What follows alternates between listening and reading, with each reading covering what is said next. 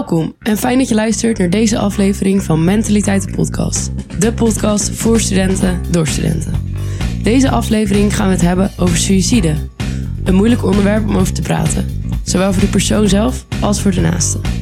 Mensen zijn vaak bang om het verkeerde te zeggen of weten niet hoe je het gesprek begint.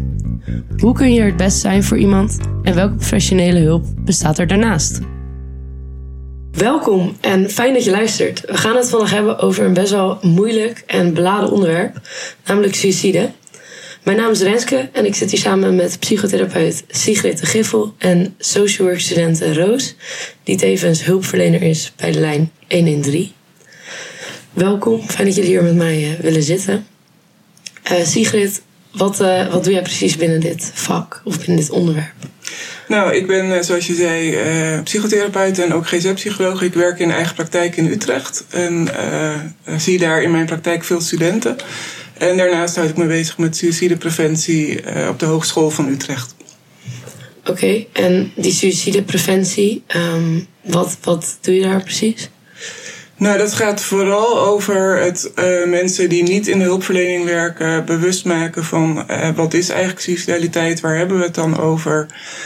Uh, en de preventie is zo belangrijk in het voorkomen van het aantal suicides. En uh, wij weten dat er nog steeds een taboe ligt ook in het uh, praten over suicides en mentale problemen in het algemeen. En ik denk dat het aandacht voor de preventie hier heel erg belangrijk is. Ja, en dan is ook bij, bij hoogleraren, omdat zij zo in contact zijn met die studenten. Ja, en, de studieloopbaanbegeleiders die volgen natuurlijk studenten een hele loopbaan en zien ook veranderingen in het gedrag van studenten. Ja. En Roos, jij uh, bent hulpverlener bij 113. Ja, uh, klopt. Wat is je rol daar? Uh, nou, bij 113 gaan we eigenlijk het gesprek aan met iedereen die met zelfmoord te maken heeft. Dus dat kunnen zijn naaste, nabestaande, professionals en natuurlijk mensen die zelf kampen met suicidale gedachten. dat kan zowel via de chat als per telefoon. Dus wij gaan eigenlijk ja, het gesprek aan met mensen die suicidale gedachten hebben. Ja, en een goede noot daarbij is: het is dus geen noodlijn. Nee, dat, dat kan zo gezien worden, maar het is voor iedereen die met zelfmoord te maken heeft. Dus je hoeft niet per se op het punt te staan om een zelfmoordpoging te doen, zeg maar. Het is ook voor mensen die over hun zelfmoordgedachten willen praten, uh, willen bespreken hoe, hoe die eruit zien, hoe ze hulp kunnen zoeken, maar ook hoe ze bijvoorbeeld op dat moment wat rustiger kunnen worden, uh, welke afleiding ze kunnen zoeken. Ja, ja, heel fijn om daar dan uh, zo'n goede, mooie reactie in te kunnen krijgen. Maar daar zullen we het uh, zo ook wel verder over hebben. Maar dan eerst over die suicidale gedachten zelf. Wat houdt dat in en hoe herken je dat nou in je omgeving? Ja, dat is een uh, mooie vraag waar het antwoord natuurlijk niet zo heel makkelijk op is. Het um, suicidale gedachte is eigenlijk een, een heel proces variërend van vage gedachten over van goh, het is beter als ik er niet meer ben. Uh, tot het uitvoeren van concrete plannen waarbij je kan denken aan het kopen van een touw of het uh, maken van voorbereidingen. Dus het is eigenlijk, uh, het, het, is niet één gedachte, het is een proces waarin mensen terechtkomen. Um, en het lastige is dat wij natuurlijk niet direct in iemands hoofd kunnen kijken. Dus het, veel van de gedachten die iemand heeft, weten wij eigenlijk helemaal niet. Dus dat maakt de zichtbaarheid heel ingewikkeld. Nee, en de, de ernst van de gedachte is ook moeilijk van buitenaf te zien. Ja, zeker. En ik denk dat het altijd een proces is waarbij um, de, uh, het, de vage gedachten wat verder wegstaan en hoe concreter het wordt, hoe ernstiger het eigenlijk ook is.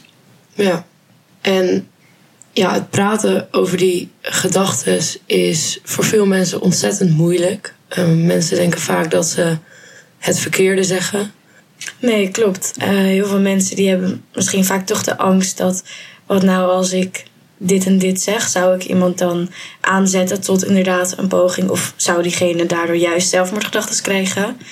En ik heb bij 1 en 3 wel geleerd dat dat niet zo werkt. Dat een bepaalde opmerking of een bepaalde vraag, bijvoorbeeld de vraag: denk je aan zelfmoord, iemand niet per se zal aanzetten tot inderdaad een zelfmoordpoging. En ook dat als iemand geen zelfmoordgedachten heeft, het helemaal niet erg is dat die vraag gesteld is. Dan zal iemand terug zeggen van nou nee, dat klopt niet, ik heb geen zelfmoordgedachten. Wat natuurlijk alleen maar fijn is. Ja.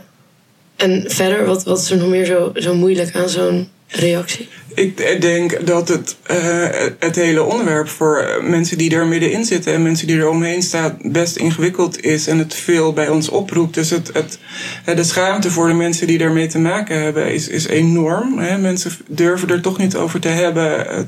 Bang zijn uh, dat het eigenlijk alleen maar erger wordt. Bang zijn dat ze mensen tot last zijn, dat ze mensen belasten. Uh, en aan de andere kant, de mensen die ernaast staan vinden het ook heel ingewikkeld. Ja. Bang voor de antwoorden. Wat nou als iemand zegt, ja, ik denk inderdaad aan die zelfmoord. En ik denk ook dat mensen zich heel vaak gewoon niet begrepen voelen. Ik denk dat je als naaste toch vaak een soort van reflex hebt van, oh, ik wil je hulp bieden. Um, maar je hebt ook naasten die bijvoorbeeld inderdaad met reacties komen als je hebt nog zoveel om voor te leven. Of dat kun je je familie en je vrienden niet aandoen. En wat een hele begrijpelijke reactie is. Maar ik denk dat als je zelfmoordgedachten hebt, je door dat soort reacties je niet begrepen kan voelen. Als in dat je indirect het gevoel krijgt van oké, mijn gedachten en mijn gevoelens die mogen er niet zijn. Of die, die zijn niet juist. Ja. Dus dan naast de ernst van die gedachten heb je ook nog eens een bepaald schuldgevoel over het hebben van die gedachten? Zeker. Ik denk dat mensen zich enorm schamen, zich schuldig voelen dat ze dit soort dingen kunnen denken. En wat samenhangt eigenlijk, denk ik, met het proces waarin mensen eh, terechtkomen, is dat ze in een soort tunnelvisie komen. En dat wat zij denken ook waar is. Dus dat zelfmoord ook een goede optie is. Ja. Um, en dat als wij iets anders daarvan zeggen, ze, is wat jij ook zei, zich dan niet begrepen voelen. Ja. Terwijl zij in die tunnel zitten en denken van ja, het klopt wat ik denk. En ik denk ook dat het daarom zo belangrijk is dat er over gepraat wordt. Als jij constant in die tunnelvisie blijft en alleen maar in je eigen hoofd zit, dan ga je daar natuurlijk ook in geloven dat dat de enige uitweg is.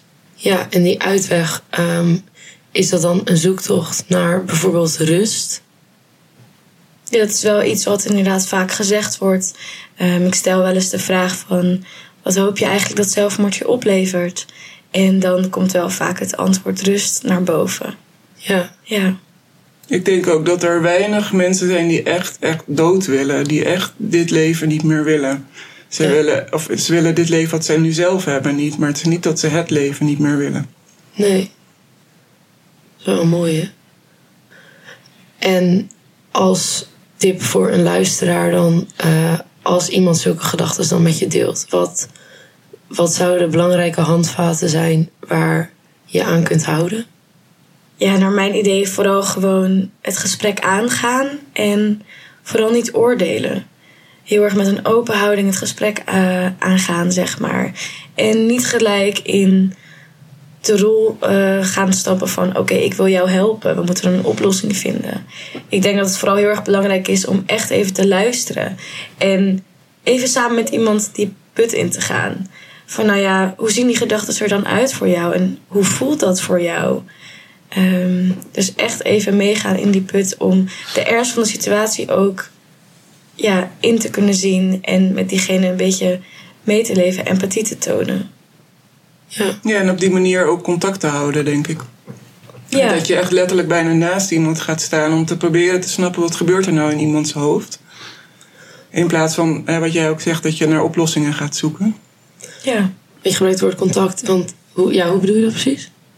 Nou, dat je door met iemand te praten en, en door eigenlijk vragen te stellen en door te, te vragen, blijf je het contact houden met iemand. En kan iemand zich gehoord voelen? Uh, kan je samen onderzoeken van, goh, wat gebeurt er nou bij jou van binnen? Ja, want eigenlijk voelt ja, iemand voelt zich gewoon niet gehoord. Je, je krijgt alleen maar een grotere kloof tussen die twee mensen dan eigenlijk. Je ziet als mensen in zo'n tunnelvisie zitten, je ziet dan ook wel gebeuren dat mensen zich steeds meer gaan terugtrekken. Bijvoorbeeld uh, minder naar college gaan, uh, minder af, willen afspreken met mensen.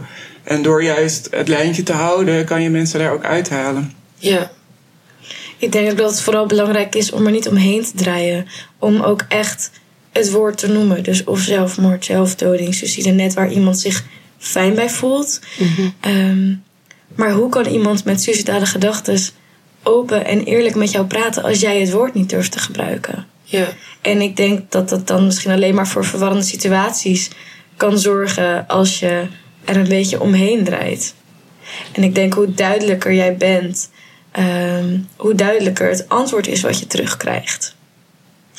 En is het dan ook dat je denkt, anders voel je misschien ook wel echt heel erg die angst van degene die luistert? Als in, als ik een gesprek met iemand heb en ik durf er zelf niet over te praten, dat de ander dat ook heel erg aanvoelt? Ik denk wel dat mensen een soort voelsprieten hebben. Uh, kan ik met dit soort dingen bij jou terecht? En ze toch al vaak het idee hebben dat niemand ze begrijpt en dat ze uh, er eigenlijk alleen voor staan. En als ze ergens voelen dat jij het eigenlijk niet zo goed aandurft, zullen ze dat, daar best op reageren, denk ik. Ja. Ja, en als mensen dan dus echt dat gevoel hebben dat ze dat bij niemand uh, kwijt kunnen, wat gelukkig niet altijd het geval is, dan kunnen ze dus 113 bellen. Ja, zeker. Uh, net zoals ik net al zei, is 113 eigenlijk voor iedereen die met zelfmoord te maken heeft. Dus ook voor naasten en nabestaanden. Uh, maar het is vooral natuurlijk ook voor mensen die zelf zelfmoordgedachten hebben. En nou ja, je belt eigenlijk naar ons. Je hebt natuurlijk in principe geen verwijzing nodig om naar 113 te bellen. Iedereen kan en mag 113 bellen. Um, en ja, we gaan eigenlijk het gesprek aan. Het is ook net waar iemand behoefte aan heeft. We laten heel erg de autonomie bij de hulpvrager. Um, dus iemand kan bijvoorbeeld de behoefte hebben om te zoeken naar afleiding. Of te bespreken inderdaad hoe die zelfmoordgedachten eruit zien. Hoe dat voor hun voelt. Uh, je kunt samen gaan zoeken naar bepaalde rustopties. Dus zoeken naar wat, in wat kun jij anders rust vinden? Ja, precies wat jij zegt inderdaad. Um, en ook wat voor hulpopties er eigenlijk allemaal mogelijk zijn. Dus ik heb ook wel eens gesprekken waarin we dan samen kijken naar welke hulp er mogelijk is. En hoe mensen dat zouden kunnen delen met hun omgeving. Of bijvoorbeeld met de psycholoog waar ze al mee praten. Want het gebeurt ook best wel vaak dat mensen al wel in beeld zijn bij de hulpverlening, maar het nog niet hebben gehad over zelfmoordgedachten. Ja. Hoe, uh, Sigrid, hoe ga jij dat gesprek aan over suicidale gedachten? Of beginnen mensen daar zelf over? Nou, mensen beginnen er in het algemeen niet zelf over. dat is iets, uh, wat ik al eerder zei, de schaamte is, is zo groot om hier woorden aan te geven. Dus ik denk dat je er niet anders aan kan dan als hulpverlener er ook actief naar te vragen. Ja. Um, en ik doe dat al in een vroeg stadium, waar het heel vaak misschien helemaal niet aan de orde is of mensen het kunnen ontkennen. Maar dan heb je wel het een keer besproken. Ja, dus ook dat stukje, dan, dan is het makkelijker om er later over te beginnen. Ja, zeker.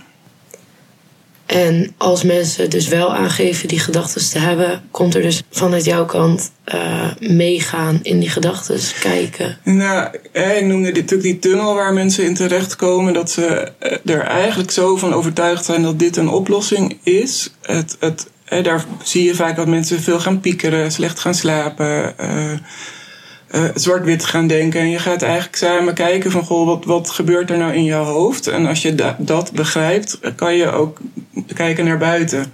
He, van hoe, hoe kunnen we nou zorgen dat je uit die tunnel komt? Ja. En dat is bijvoorbeeld door naasten te betrekken of door uh, andere mensen in te schakelen.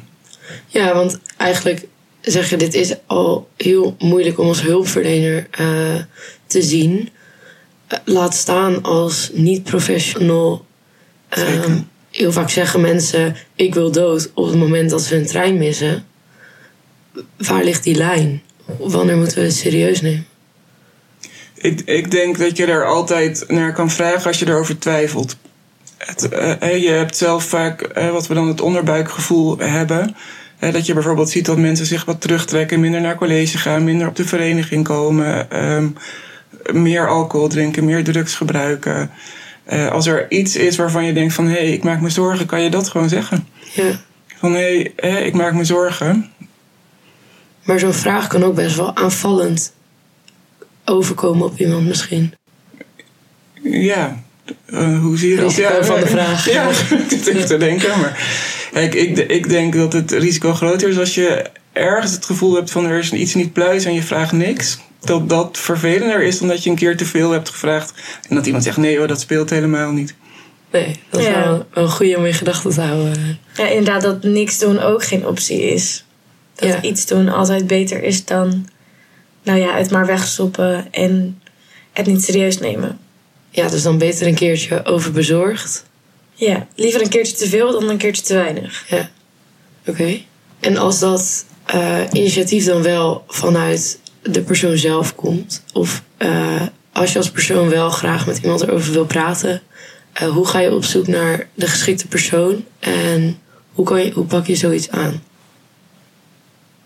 Ja, goede vraag. Ik denk dat het belangrijk is dat je dat doet bij iemand waar, ja, die je toch wel vertrouwt. Misschien ook mensen die wel eens naar jou toe zijn gekomen om over bepaalde problemen uh, te praten. Of die jou dus dingen hebben toevertrouwd. Um, of mensen waar je dus al eerder mee hebt gepraat over bepaalde dingen die misschien gevoelig liggen. Ja, vooral iemand waarbij je je vertrouwd voelt, denk ik. En als je in je omgeving niemand, uh, ja, niemand weet waarbij je je zo vertrouwd voelt, is het denk ik altijd goed om daar met hulpverleners over te praten. Dus om inderdaad naar de huisarts te gaan en het daarover te hebben. Ja, als, als tussenstap daar misschien nog in denk ik ook. Hè, ik denk dat het heel belangrijk is als je mensen in je omgeving hebt waar je vertrouwd bij voelt. Maar dat je ook kan denken aan bijvoorbeeld docenten of, of studieloopbaanbegeleiders. Of dat soort mensen die staan vaak net iets verder van je weg. Uh, maar kennen je wel. Ja. En soms heb je ook vertrouwenscontactpersonen, komt steeds meer op. Zeker. Dat, uh, want ja, docenten, dat lijkt mij best wel een een grote stap of zo. Ja, vaak is het nog weer een, een soort tussenstap dan dat je direct naar de huisarts gaat. Ja. Kijk, ik denk persoonlijk dat het altijd goed is om met een professional te praten, maar ik weet ook dat die stap enorm groot is voor veel mensen. Ja, en misschien dat de superlange wachttijden ook niet meehelpen. Dat je denkt, ja, dan krijgen we dat. En je doet er niet zo heel veel uh, aan. Nee, nou, wij hebben dan bij 1 en D natuurlijk, daar heb je in principe geen, um, geen verwijzing of wat dan ook voor nee, nodig. Dus in die zin ja, kunnen mensen altijd 1 en 3 bellen. En wij bieden ook wel therapie en coaching aan. Dat scheelt dan wel, ja, per periode denk ik hoe, hoe druk het is. Maar op dit moment hebben wij ook geen wachtlijsten. Dus kunnen mensen wel een soort van overbruggingstherapie volgen, zeg maar. Oké. Nou, ik zat te denken dat daarvoor eigenlijk, en daarom zijn deze podcastings ook zo belangrijk, dat het, het praten over mentale problemen in het algemeen en, en nou ja, in, voor vandaag die suicidaliteit dan in het bijzonder zo ontzettend belangrijk is ook om het nou ja, wat normaler te maken.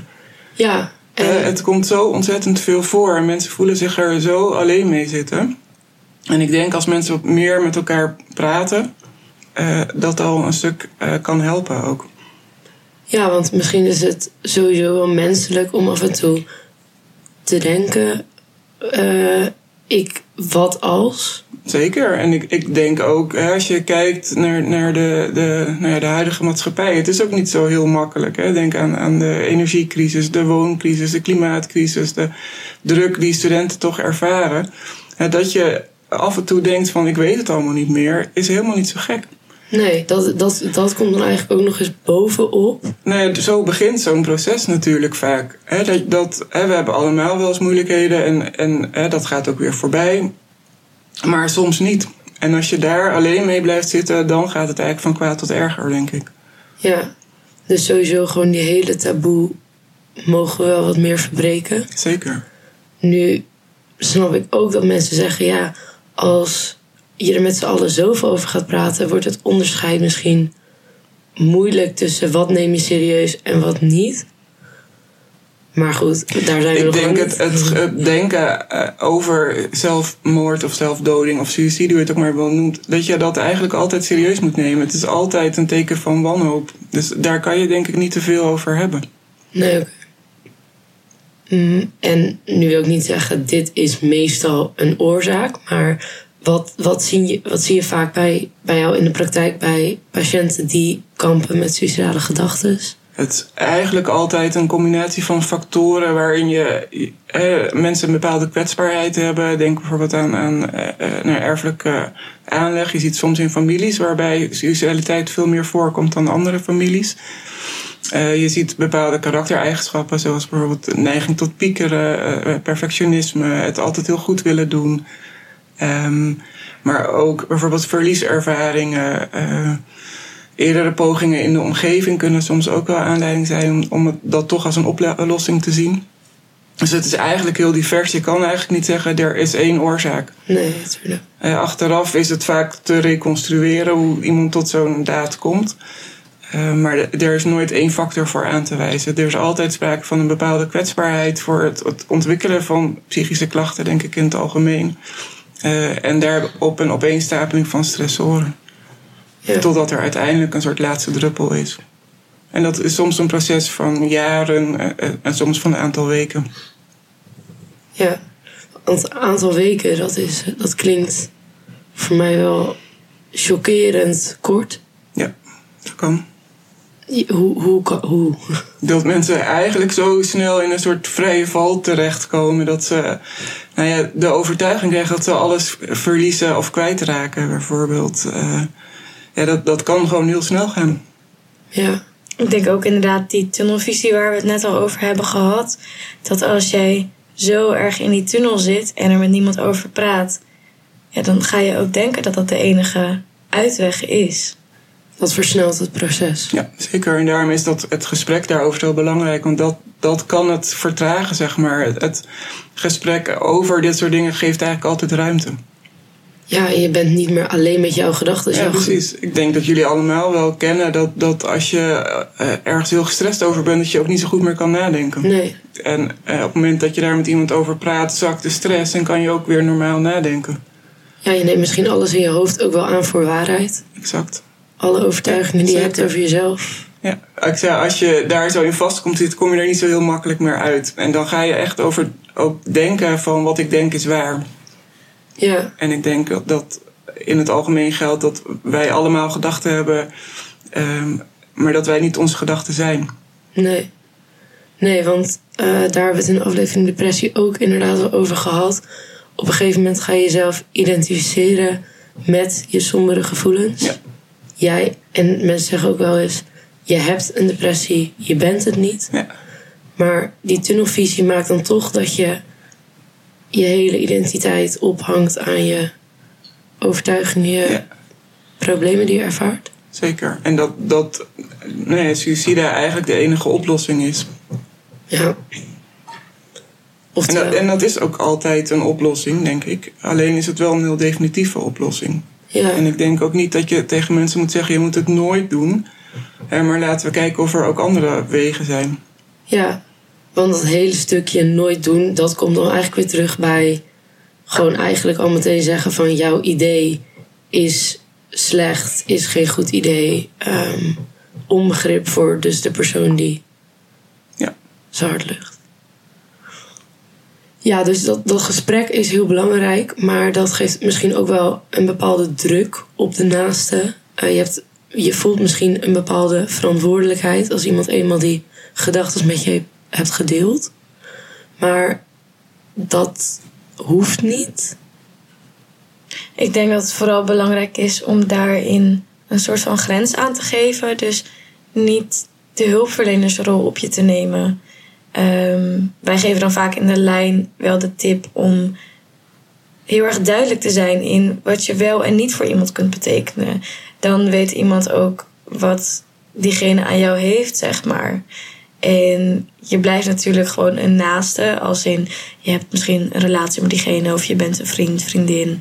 Maakt niet uit, oom, tante, wie dan ook. Maar je bent geen hulpverlener. En ik denk dat het ook niet goed is om die rol op je te nemen. Nee, daar ben ik het helemaal mee eens. Ik denk ook dat je ehm, in de lijn daarvan het ook belangrijk is dat je als naaste ook voor jezelf blijft zorgen. Ja, En dat je niet bijvoorbeeld, eh, eh, wat ik zelf altijd ook belangrijk vind, bijvoorbeeld geheimhouding belooft aan degene. En dat iemand tegen jou zegt: Ik wil dat je er met niemand over praat. Ik denk dat je dat nooit moet beloven. Daar zet je jezelf ook zo klem mee. Dus het, het goed zorgen voor jezelf is denk ik ook belangrijk. De zorg Ja. voor een ander is belangrijk, maar ook voor jezelf. Ja, en ik denk ook jezelf de vraag te stellen van... wat doet dit eigenlijk met mij? Ehm, wat voor invloed heeft dit op mij? Heb ik zelf deze gedachten? Ja, om die vragen wel echt aan jezelf ook te blijven stellen. Ja, want vooral als we het hebben over een naaste die bijvoorbeeld je familielid kan zijn of je partner, dan kan het wel echt het gevoel hebben van als jij niet meer wil, dan wil ik ook niet. Of dat is misschien te overdreven. Ik snap dat je het zegt, maar ik denk dat dat in de praktijk niet zo heel veel voorkomt. Wel ook de wanhopige gedachte natuurlijk. Ja. Dat het, eh, Ja. Maar ik denk dat het niet zo Je besmettelijk sleept elkaar is. daarin eh, gelukkig niet in mee. Oké.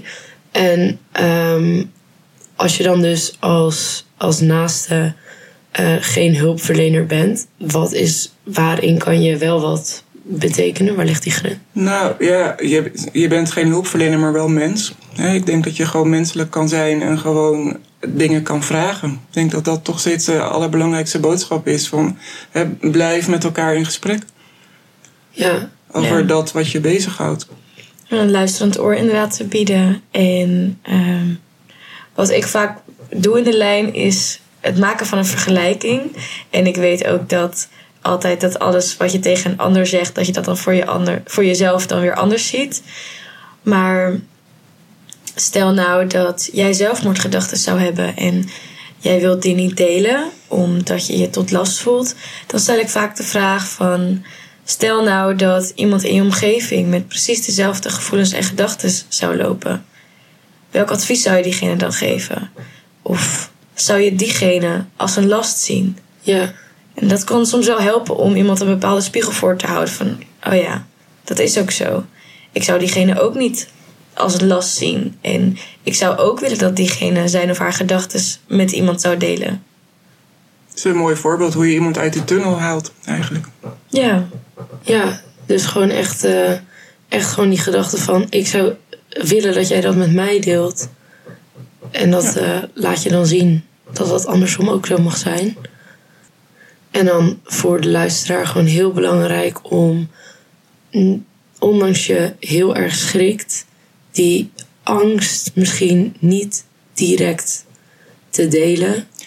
Tuurlijk, ja. Ik kan me heel goed voorstellen dat, dat als jij de beste vriendin bent in dit geval, dat je schrikt.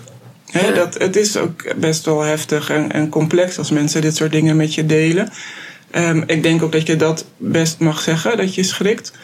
Ehm, en dat het bij jezelf ook goed is om te realiseren hè, dat, dat je, je het bij jezelf ook van alles oproept roept en je machteloos voelt. En hè, dat wij graag iets willen doen, is ook in het wegmerken van de machteloosheid. Dus dat is ook de reden waarom wij graag adviezen geven aan mensen.